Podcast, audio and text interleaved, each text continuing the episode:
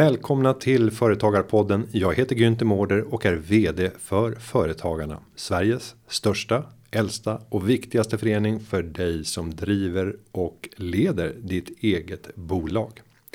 Idag så ska vi fokusera på utbildningsbranschen och särskilt en viss del inom utbildningsbranschen, nämligen privata förskolor.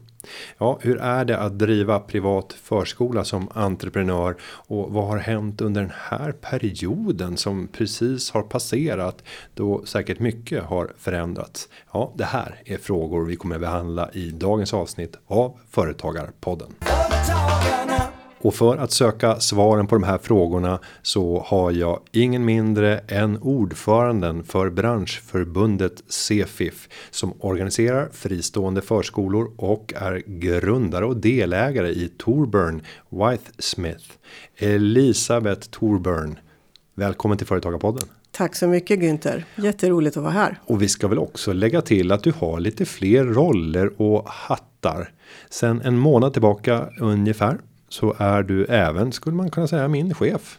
Ja, du sa det här inledningsvis. Ja, ja. Nej, men vi hade en kongress som tyvärr blev digital för företagarna och då ja, egentligen så valdes ju inte du in där utan du valdes ju tidigare för du är en av branschförbundsföreträdarna i vår riksstyrelse. Företagarna har ju totalt nu tror jag att det är 29 branschförbund efter att vi skrev på med vin och spritleverantörerna här senast. Eh, de här branschförbunden samlar totalt ungefär 22 000 medlemmar och där är Cefif en av dem. Precis, det stämmer. Vi kom ju in hos er företagarna i oktober förra året. Det är vi väldigt glada över.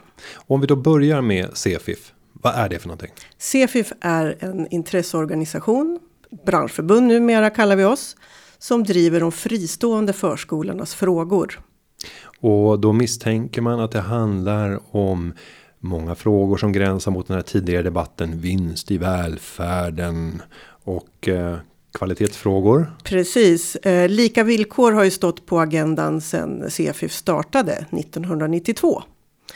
Eh, vi bevakar att kommuner och fristående har lika villkor. Och eh, det gör vi genom att se vad händer i politiken. Eh, vi är uppmärksamma på nya förslag, lagförslag, remisser och svarar då på remisser som vi precis gör idag faktiskt. Och hur många eh, medlemmar som driver fristående förskolor är medlemmar? Uh, ungefär 300 av de fristående är medlemmar. Vi har stor potential att växa. Uh, hur många totalt finns det? Det finns ungefär 2800 mm. fristående som vi kallar det. Det betyder privata i, i, i, i Sverige Man pratar idag. svenska? Ja. ja. I branschen så säger vi fristående, men om du frågar någon annan så kanske man säger privat.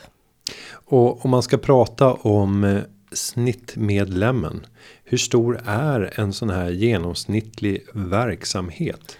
En sån här verksamhet har, vi räknar ju vårt medlemskap på antal barn som man har inskrivna och eh, i snitt så ligger det mellan 30 och 50 barn. Det är ganska små enheter, men vi har både mindre och större. Eh, små föräldrakooperativ, de kanske bara har 19-20 barn inskrivna. Men de större då kan ha upp mot 1000 barn eller fler. Och sen har vi det här som var stort på min tid men som jag har känslan av har minskat drastiskt. Det är ju dagmamma. Precis och eh, det kallas ju i professionella termer idag pedagogisk omsorg. Mm. Eh, de är inte med hos oss. De finns eh, ganska många här i Stockholms stad till exempel. Men som du säger, det minskar i antal. Nu befinner vi oss i sommaren och vi har lämnat en väldigt märklig period bakom oss. Eh, våren och framförallt då från andra veckan i mars kom att välta förutsättningarna i många delar av samhället. Men förskolorna har fortsatt få bedriva sin verksamhet. Men hur har det här som vi har fått uppleva i Sverige under pandemin påverkat förskolebranschen? Eh, faktiskt så har det inte påverkat i så stor utsträckning. Men självklart så blev det som för alla i Sverige en panikartad upplevelse med allt som hände just då i mars. Eh, det som har blivit tydligt och det är positivt tycker jag. Det är att man har uppmärksammat att förskolan är en samhällsbärare och det är därför förskolan har hållit öppet. Och det betyder också att förskolan har sett vilken eh, stark ställning vi har, eller borde ha i alla fall. För att jag, jag, brukar dra paralleller med Bil Sweden som säger utan bilen stannar Sverige. Men jag vill säga utan förskolan stannar Sverige. Och där såg vi att förskolan hade ett stort, eh, en stor, viktig del i hela coronapandemin. Och jag tänker att det måste rymma en hel del utmaningar också när man tittar på ledarskapet för eh, personalen. Eh, när man ser att andra verksamheter plötsligt får börja arbeta hemifrån. Man avråder ifrån fysiska möten och samtidigt ska förskolan gå ut och säga att nej, men vi bedriver verksamheten precis som vanligt. Ledarskapet där för, för dina medlemmar har det varit mycket frågor kring hur man ska hantera den situationen? Ja, det har det. Initialt så var det väldigt många frågor kring hur ska vi göra och innan allting var på plats när det gäller regelverk och innan riktlinjer från Folkhälsomyndigheten kom ut. Eh, många kanske hade hoppats på att man skulle stänga så att man, för det fanns ju en oro bland personal, särskilt de som kanske hade riskgrupper hemma eller själv var riskgrupp. Så att det är klart, men vad vi har sett så, så har de chefer, rektorer som det kallas i förskolan, hanterat det här väldigt bra. Och eh, främst har det berott på kommunikation och information både till personal och eh, vårdnadshavare, föräldrar. Man har fått eh, tänka om, tänka nytt. Hur gör vi nu? Eh, vi tar till exempel bara emot barn och barnen får hämtas utomhus. Inga föräldrar får komma in i lokalen. När det blev lite bättre väder så började man äta lunch, kanske utomhus. Man hittade så nya vägar för att navigera i den här, det här nya landskapet. Och tror du att de förändringar som man nu har vidtagit kommer att påverka tiden efteråt? Att man faktiskt kommer att organisera sin verksamhet på ett annat sätt i den tid som följer efter den här pandemin? Ja, det tror jag faktiskt. Och det man har sett eh, och som våra medlemmar säger att nu är föräldrar mer uppmärksamma på barn som har förkylningssymptom. Tidigare kanske man tyckte äh, det är bara lite snuva. Men nu har man ju varit stenhård med det från förskolan har sagt att vi får inte och kan inte ta emot barn som har lite snuva eller hosta. Så där tror vi tror det och hoppas att, att man kommer bli duktigare på att hålla barn hemma eh, när de är sjuka. För att det här kommer ju inte ta slut bara för att sommaren har kommit. Och sen har vi det här med handtvätten som är ett självklart inslag på förskolorna. Men som av föräldrarna kanske inte har varit lika självklart när barnen kommer hem. Innan maten brukar ju vara ett sånt tillfälle men att faktiskt tänka fler tillfällen. Direkt när man kommer hem. Och också att byta strumpor brukar ju vara ett sånt där tips direkt. Eh, det har blivit ett annat fokus på hygien. När man tittar på brukarna, säger man brukare eller vad säger Vi ni säger ju vårdnadshavare som i vår bransch, men ja. de är ju brukare, absolut. Och om vi säger på, på om barnen, har ni märkt någon skillnad i eh, antalet sjukdagar per barn under den här perioden? Har barn varit friskare? Eh, faktiskt så säger man så från våra medlemmar att många barn har varit friskare just för att man har eh, skärpt hygienrutinerna. Eh, sen har det ju också varit så att många barn har hållits hemma. De kanske har varit sjuka eller har haft bara lindriga symptom. Så då har inte smittspridning av andra sjukdomar som vanligtvis går då under februari med eh, magsjukor och, och, annat. Det har liksom gått ner. Mm. Och nu tänker jag att eh, jag eh, ska säga att jag hoppas att vi har en del lyssnare som idag jobbar med pedagogisk verksamhet på en eh, förskola som kanske är privat, som kanske är eh, kommunalt driven, men som drömmer om att få dra igång sin egen verksamhet. Om man ska ta det steget och starta upp en egen verksamhet, sin egen förskola. Vad är de främsta råden och tipsen som du skulle bära med till den här personen? Självklart så skulle jag uppmana dem att kontakta oss och även er faktiskt. Eh, och i och med att de har gjort det så skulle de få kanske liknande råd som vilken företagare som helst skulle vilja ha. Alltså att man tänker igenom sin verksamhetsidé. Man tittar på ekonomiska förutsättningar då i den kommunen som man ska starta i eh, göra en marknadsundersökning och se finns det eh, kunder eller finns det barnfamiljer som, som vill ha min pedagogiska idé i en förskola till exempel. Så att, men vi har eh, stöd för dem som vill starta. Och det kan vi gå in på detaljer om, om det är så. Så jag hoppas att det, det ska bli fler förskolor, fristående förskolor i Sverige. Ja, behövs det fler? Du, så var det 2800? 100 av totalt 10 000. Och vad skulle en 50-procentig andel privata aktörer ha för inverkan skulle du tro på Ja, alltså det, det blir, ja, det blir ju en ökad, ett ökat utbud, kanske fler pedagogiska inriktningar. Man kanske väljer en särskild, eh, ja, kanske finns eh, förskolor som, som startar fler med utomhusaktiviteter. Det tror jag säkert många eh, föräldrar idag efter corona skulle vilja att det kanske var mer utomhusaktiviteter. Eh, så att det ska ju vara positivt eh, för valfrihet och mångfald, absolut. Sen så är det ju ett problem, eh, eller problem ska jag inte säga, jo det är ett problem, det är ju lokaler. Det är svårt att hitta lokaler för eh, privata aktörer idag. För det är inte så lätt som man kanske tänker sig att eh, köpa en eh, villa och sen så tänka att den här ska jag göra om till förskola. Vad är det för misstag man gör om man tänker så? Ja, då ska lokalen måste ju vara eh, godkänd för att bedriva förskola i. Och eh, det är ganska gediget regelverk för det. Eh, också om vi pratar om kök och man ska tillaga, då är det ännu svårare. Det var mycket lättare tidigare, men regelverken har, det har skärpts helt enkelt. Så att det, det, är inte så lätt och det är inte så lätt att få tag på heller. Särskilt inte i storstadsområdena och det är ju där vi behöver fler förskolor. Och om vi stannar just i bara den isolerade frågan kopplade till krav på lokalerna. De här ökade kraven som har kommit på lokalerna. Är det din samlade bedömning att de har bidragit positivt till utvecklingen eller har det här varit någonting som har hämmat tillväxten bara utan att det nämnvärt har förändrat kvaliteten? Om man frågar aktörerna så tror jag många gånger de upplever att det är väldigt svårt att få tag på lokaler först och främst och att reglerna är väldigt nitiska. Eh, alltså det, det är ventilation självklart, det är jätteviktigt, men ibland blir det lite, lite för detaljerat. Eh, antal kvadratmeter som ska vara per barn och så vidare. Det är lite och där skiljer eh, sig mellan kommuner vilka regler man har. För eftersom det är kommunen som är ansvarig så är det ju olika regler i olika kommuner.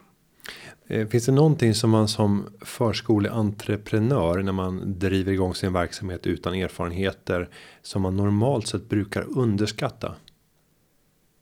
Jag tror just det här med lokaler. Mm. Det, vi får frågor för de som, som hör av sig och vill starta och då så brukar jag fråga har ni en lokal klar? Nej, men det tänkte vi att det, kan, det, kommer det nog, löser sig, det löser sig och det kanske kommunen kan ordna, men så är det inte. Mm. Och det finns en problematik kring lokaler och om man ska hyra. Och det är det här med momsen. Eh, det är en väldigt komplicerad historia som vi inte ska gå in på i detalj idag. Men där så föredrar ju en privat fastighetsägare en kommunal förskola. För att då får den dra moms. Och det får du inte om du hyr ut till en privat fristående förskoleaktör. Men vi pratade om att det var samma förutsättningar för privat och, och offentlig, men det skiljer sig alltså? Ja, här skiljer det sig väldigt. Just mm. när det gäller fastigheterna och momsen. Eh, finns det andra områden eller är det i övrigt en schysst marknad? För att jag får höra ibland från om vi tar grundskolor och gymnasier på den privata sidan där man hör entreprenörer som pekar på kommunalt drivna enheter och säger att det här har vi enheter som gör kraftiga minusresultat år ut och år in och det blir bara ett svart hål som bara försvinner in i kommunens resultaträkning och man redovisar inte de ackumulerade förlusterna som den här verksamheten har faktiskt orsakat. Så tror jag absolut att det är inom förskolan också. Eh, varje privat eh, fristående förskola har ju sin budget och sina siffror. Eh, men det är precis som du säger att en kommun där kan man ju ta ett underskott och det försvinner så att säga. Men på så sätt är det ju inte lika villkor. Alltså varje fristående huvudman får ju ta sina egna förluster.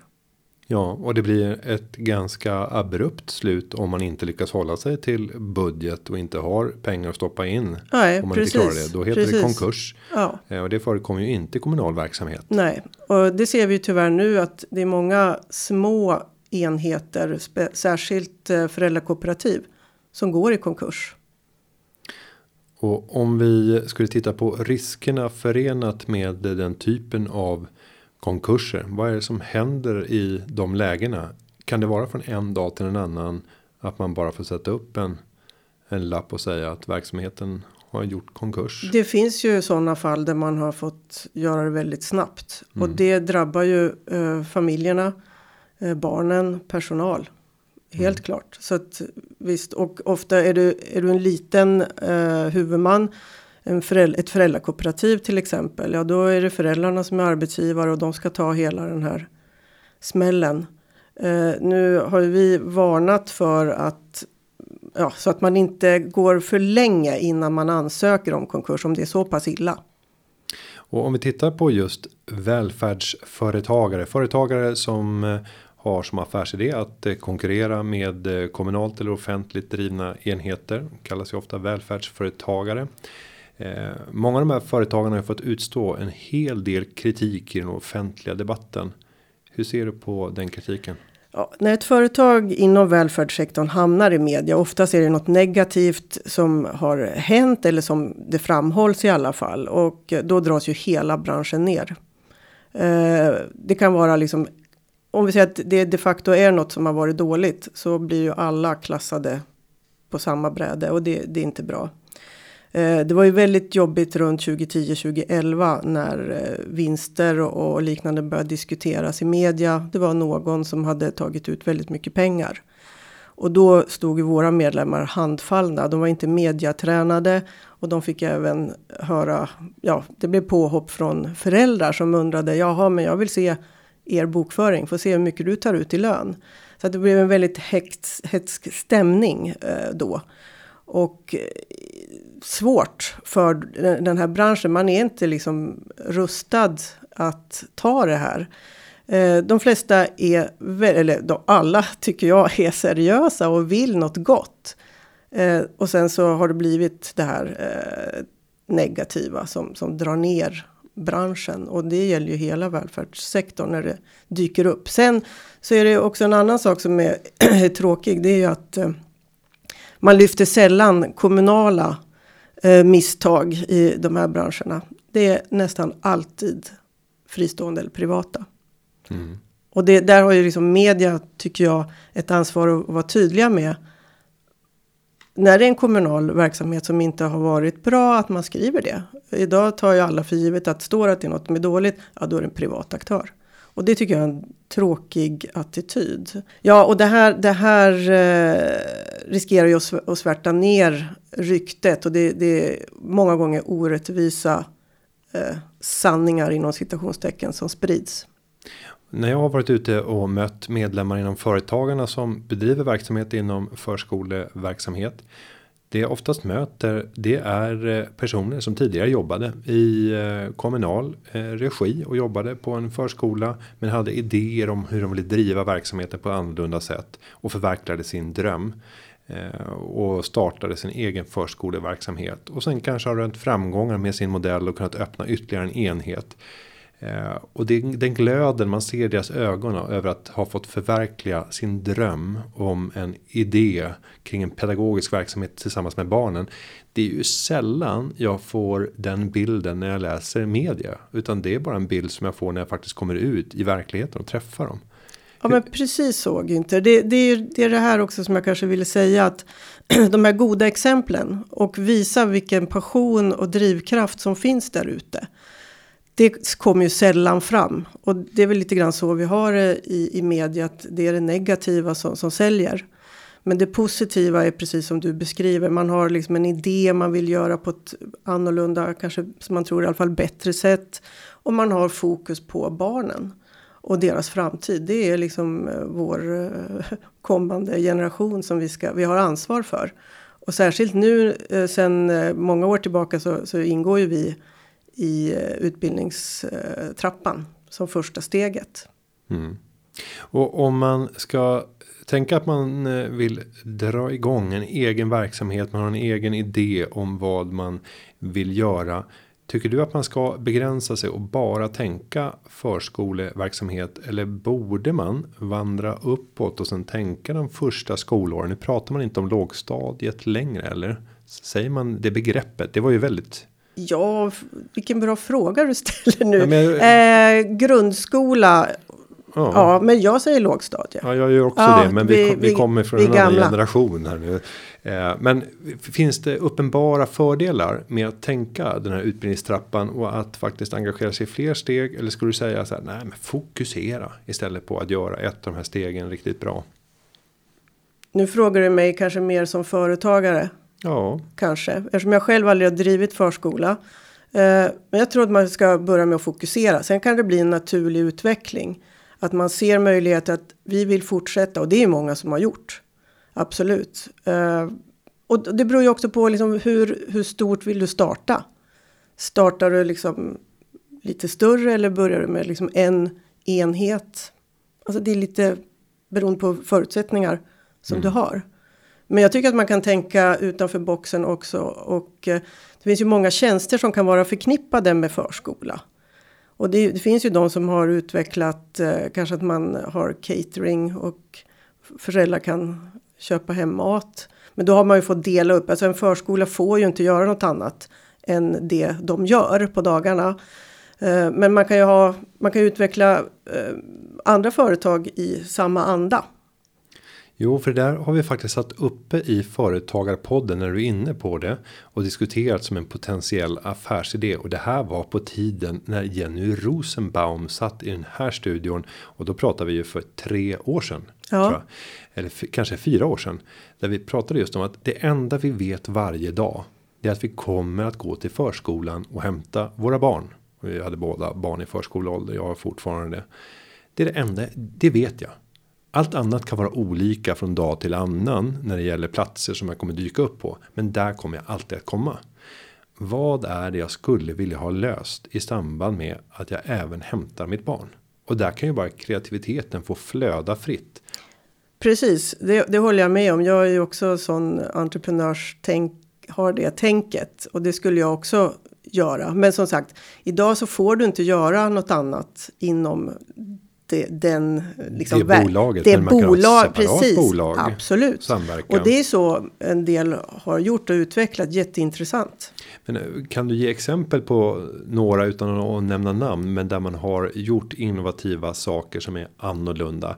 Vi, vi var också inne och pratade tror jag om att kombinera förskola med hunddagis. Ja. För att kunna få människa och djur, alltså barn och djur är ju en mm. vinnande kombination i de flesta fall. Mm. Det finns risker med det, då får man hantera dem. Mm. Men det borde vara en miljö som många föräldrar drömmer om att få skicka sina eh, barn skickar både och barn och hunden. Hund. Ja, ja den, är, den är intressant och eh, tycker en kul idé. Eh, jag vet faktiskt inte hur, hur myndigheterna skulle ställa sig till. Alltså det, det, är ju det här som det kommer in då. Ja, men hur, hur kan du ha hundar i närheten av förskolelokalen och såna här saker. Alltså, bra, bra kreativa idéer, men jag, jag, vet inte hur, hur det skulle. Här kan vi tänka oss att regelivrarna kommer att gå på högvarv. Ja, precis. Ja. Men alltså det finns, alltså, man kan ju också tänka att eh, om man tänker förskola, nu är förskola en utbildning det är ingen, det är ingen pedagogisk omsorg eller dagmamma där man liksom bara lämnar så för att barnen ska ha det bra eller hunden ska ha det bra. Eh, men man kan, man kan hitta synergier från förskolan och skapa, applicera koncept på mm. andra verksamheter. Eh, det, det, vi har tittat, eller vi har inte tittat på, men jag jobbade med internationella frågor tidigare som rörde förskola. Och Japan eh, har ju alltid varit intresserad av vad vi gör i Sverige och jag har varit där och tittat på vad de har gjort. Och det var ett väldigt intressant exempel på hur äldreomsorg och barnomsorg eller förskola och äldreboende i samma eh, kan man säga lokal på ett sätt. Det Också var separerade lokaler men de hade gemensam gård och barnen kunde springa över till de här gamla som satt och var väldigt sjuka faktiskt. Men där hade man också väldigt strikta hygienrutiner och sådana saker. Så det, det finns ju många idéer kring det här som man skulle kunna utveckla och det, det ska jag gärna se. Vi har inte några som har liksom kommit med en sån fråga. Man har fullt upp med liksom förskoleverksamheten egentligen. Men, men det kommer ju alltid eh, kanske som ligger lite närmare. Det skulle kunna vara just med matlådor, att man kan köpa hem matlåda på kvällen när man hämtar. Jag tänker på så här leveransboxar som vi ser i eh, alla stora köpcentrum i de stora matbutikerna så finns det utlämning Ja. i boxsystem. Tänkt att ha den i direkt anslutning till eh, förskolan. Mm. Och där du kan eh, hämta hem allting som du har köpt via nätet. Tänk även kopplat till tvätt. Precis. Kem, kemtvätt, kunna hämta ut det där. Kunna ha all service med allt från omklackning av skor till ja, den typen av praktiska Ja. lösningar. Nej, men det, det, är, det är roligt att tänka så. För Jag blir lite sugen nu på att starta ja, men absolut. Eh, men sen är det väl problemet är ju ständigt, vi återkommer till dem, lokalerna. ja. För att idag så, så har man ju nyttjat till 100% sin lokal. Då skulle man ha något mobilt i och för sig då. Och det man skulle tänka, tänker jag, är att när det planeras för att byggas nytt och gärna liksom större områden. Att redan i det stadiet ta kontakt med eh, de som är entreprenörerna bakom de här projekten. För att vara med i stadsplaneringen. Och ha en idé om en verksamhet och kunna ingå ett kontrakt om att hyra den när det blir färdigställt. För du måste väl också kunna uppvisa att du har access till lokaler som lever upp till kraven innan man ens kan ansöka Ja, men om att starta. Och det blir ett moment 22. Det är ett eller? moment 22. Eh, där har man faktiskt just när det gäller nybyggnation i vissa kommuner eh, ja, sett, alltså lättat på det här så att du kan få okej fast inte lokalen kanske är klar ens. Mm. Men vi återkommer till det här. Det är samma sak där då med, med momsen. Så den tror jag vi får ta och diskutera en lite djupare framöver med, med företagarna. Just när det gäller moms på lokalerna. För där blir de fristående, de är inte jättevälkomna. Nej, och där kan jag ju lyfta fram att vi har ju haft andra projekt med enskilda branschförbund där vi har jobbat med just orättvisan på momsatser. Vi har bland annat eh, momsen på djurfoder som vi har drivit. Den är 25 Eh, och då skulle man kunna ta eh, den vanliga matmomsen. Där varierar det men 12% normalt sett va. Eh, och då kan du ta samma sak som går att äta av en hund som går att äta av en människa. Men råkar det vara en hund på bilden. På förpackningen. Då ska det vara 25% moms. Men är det en glad eh, gumma eller gubbe på det. Och det är avsett för människa att äta. Så är momsatsen lägre. Och det blir ju rätt främmande. För då skulle man ju rent hypotetiskt kunna skapa en, eh, ett djurfoder. Men som man säljer till dig som också vill äta det som människa och plötsligt få en prisfördel som är betydande ut mot slutkonsument. För lönsamheten är inte jättehög inom det här om vi då pratar eh, livsmedelsbranschen. Det, det brukar vara några ynka procent man kan Precis. tjäna. Och har man då 6 procentenheter i, i skillnad eller 7 procentenheter på, på eh, momsen eller ibland ännu mer. Ja, i det fallet ännu mer. Eh, så kommer det kunna göra väldigt stora skillnader på vad man faktiskt kan sätta för pris och vinna för marknadsandelar. Ja, men det här är spännande när man börjar fundera kring, kring, kring business. Men om man vill träffa andra förskoleentreprenörer. Finns det format där eh, ni träffas inom ramen för CFIF? Ja, det finns det. Nu får ju vi tänka lite nytt. Ja, såklart. Ja, så att eh, vi Eh, jobbar ganska intensivt nu med att hitta ja, nya lösningar till att träffas. Vi hoppas att vi kan träffa fysiskt längre fram, men jag tror inte att det är möjligt under höstterminen. Men där kommer vi eh, bjuda in till eh, vi kallar det webbinarier, men vi kan också bjuda in till diskussioner för vissa frågor. Och där tänker jag att företagarna också skulle kunna vara med. Mm. Ja, för jag tänker att det är en naturlig kombination att eh, både genom CFIF få de branschunika frågorna och eh, områdena som är ja, isolerat till just den här enskilda branschen och det kan vara krav på lokaler och hur man ska hantera de situationerna. Hur hanterar man eh, relationen i, gentemot en, en kommun som är den som ska, ska betala för, för de barn som man faktiskt har på sin enhet. Men mycket i företagandet är ju detsamma. När jag pratar med företagare så tycker jag att det låter som att ungefär 80% av alla frågor är de samma oavsett vilket typ av bolag man driver. Och sen är det 20% i vissa fall kanske bara 10% som är branschunikt. Så kombinationen av att träffa både andra företagare från andra branscher men också ett starkt nätverk bland de som är själva verksamma i den bransch där man, man själv är. Tror jag är en vinnande kombination. Det tror jag också. Om eh, du skulle få göra någon önskelista när det kommer till politiken framöver. Finns det några särskilda passningar som du skulle vilja göra? Vi har varit uppe på en, med en fråga och det är ju momsen då på, på lokaler, skapa rättvisa förutsättningar. Finns det någonting annat där det finns någon önskan om förändring? Ja, kanske inte just generellt för eh, eller specifikt för vår bransch, men jag har många år funderat på det här attityden till företagare. Mm. Och eh, då är det ju främst kanske inte politiker, för de vet vad viktiga vi är, men de skulle kunna hjälpa till med att eh, lyfta företagens roll i samhället gentemot allmänhet på ett annat sätt. Eh, sen beror det självklart på varifrån man kommer. Jag kommer från Timrå det fanns inte många företagare där. Det fanns ju, men de nämndes aldrig. Eh, på något sätt så har det varit eh, mer accepterat att vara anställd än att driva ett företag själv eller starta ett företag.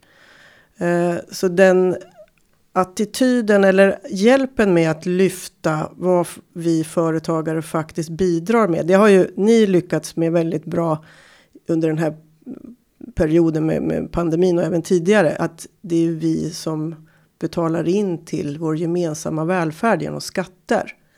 Och det tror jag många inte riktigt har koll på. Och eh, en annan sak som, som jag tycker var viktigt. Det är att eh, man kanske som vi pratade om grundskola, låg eller mellanstadiet börjar berätta om hur samhällsekonomi fungerar. Det är inte så att pengarna bara kommer. Utan man, man lär barn varifrån kommer pengarna? Jo, det är genom att man jobbar och att företag kan eh, anställa och betala in på något enkelt pedagogiskt sätt. Och eh, i förskolan så jobbar man ju mycket också med att förmedla hållbar utveckling och det handlar inte bara om sopsortering utan det handlar om ekonomisk hållbar utveckling. Så vi har ju börjat i förskolan att jobba med det med barn där de också kanske får starta som något ja, lekaffär tänkte jag säga. Men mm. eh, få det här entreprenöriella som de har i sig barn. Alltså barn hittar på och löser saker. De kan, ja, det gör förskolan ganska i stor, till stor del anser jag. Att man är entreprenöriell. Man är lösningsfokuserad, man har nya idéer. Men man har det liksom, man jobbar inom ramen för det man får göra. Men det finns stor potential. Så att den här Eh, att politiker skulle kunna lyfta företag på ett annat sätt. Självklart är det en ideologisk fråga. Men eh, ändå att allmänheten också blir medveten om vad företag betyder för samhället. Ja, att förstå de där eh, skattebetalarnas pengar som man ofta får höra vår finansminister och andra ministrar prata om. Och så säger man gärna vi måste vara försiktiga om skattebetalarnas pengar. Ja, men fundera på var kommer de där skattekronorna ifrån när man då diskuterar till exempel stöd för att rädda de företag som inte klarar sig till följd av de politiska beslut som har fattats för att stävja smittspridningen. Och man måste tror jag som politiker förstå att varje beslut jag fattar får konsekvenser. Står jag beredd att ta kostnaderna för de konsekvenserna? Och när man som man säger på juridiska exproprierar när man tar någonting eh, från någon annan och eh, gör det med eh, lagligt stöd. Då brukar man ju när det gäller fast egendom alltid säga att full ersättning ska utgå. Men när man har berövat de osynliga delarna, immateriella delarna, nämligen den fria marknaden. Ja, borde man inte även då ge full kompensation för det man har fråntagit företagare. Man har inte erbjudit en fri marknad. Om man inte gör det, då har jag ju svårt att från företagarnas sida stå och säga mangrant att självklart ska vi backa upp och betala de höga skatter som finansierar det här samhället. För det är det vi gör till vardags. Men det kräver ju också att man från offentligt håll backar upp i de lägen när man politiskt förstör möjligheten att kunna bedriva sin verksamhet. Vilket många har respekt för. Ja, nu börjar jag elda upp med Ja, men det är bra. Det är bra. Eh, nej, men så, och det, det, kan vi säga att, att för just förskolans eh, förskolan, förskolebranschen har ju inte drabbats särskilt inte in, med intäktsbortfall under den här pandemin. Men jag tror att det är viktigt att understryka företagets betydelse i mm. hela samhället. Ja. Och sen en annan sak som jag också kommer på här. Det är ju att vår, eh, som branschförbund så är det för vår del också viktigt att få förskolorna att se sig som företagare. För det är inte självklart. Det är inte självklart för alla. Eh, och även om man kanske inte, man kanske inte vill identifiera sig som företagare av olika skäl. Man känner, ja men vi är bara ett föräldrakooperativ. Okej, okay, så kan det ju vara. Men det var så faktiskt jag såg eh, förskolan. När jag kom in i den här branschen, jag kom in som förälder och ordförande för ett kooperativ. Då såg jag eh, den rektorn eller föreståndaren som det kallades då som drev det här. Och hade anställda och, och, utvecklade och såg till att vi föräldrar kunde gå till jobbet och göra karriär. Och när jag sa det så sa jag, jaha, det har jag aldrig tänkt på. Ja men så du, du har ju här flera anställda. Jag har aldrig haft anställda i mitt soloföretag. Du driver en verksamhet och omsätter så här många miljoner. Mm. Och den eh, bilden tror jag inte alla har. Självklart de som har den drivkraften att, att starta ett, ett bolag och, och, köra på och, och, utveckla. Men man verkar ju på en marknad oavsett om du driver i ekonomisk förening eller om du driver i någon annan form så är du på samma marknad som alla andra.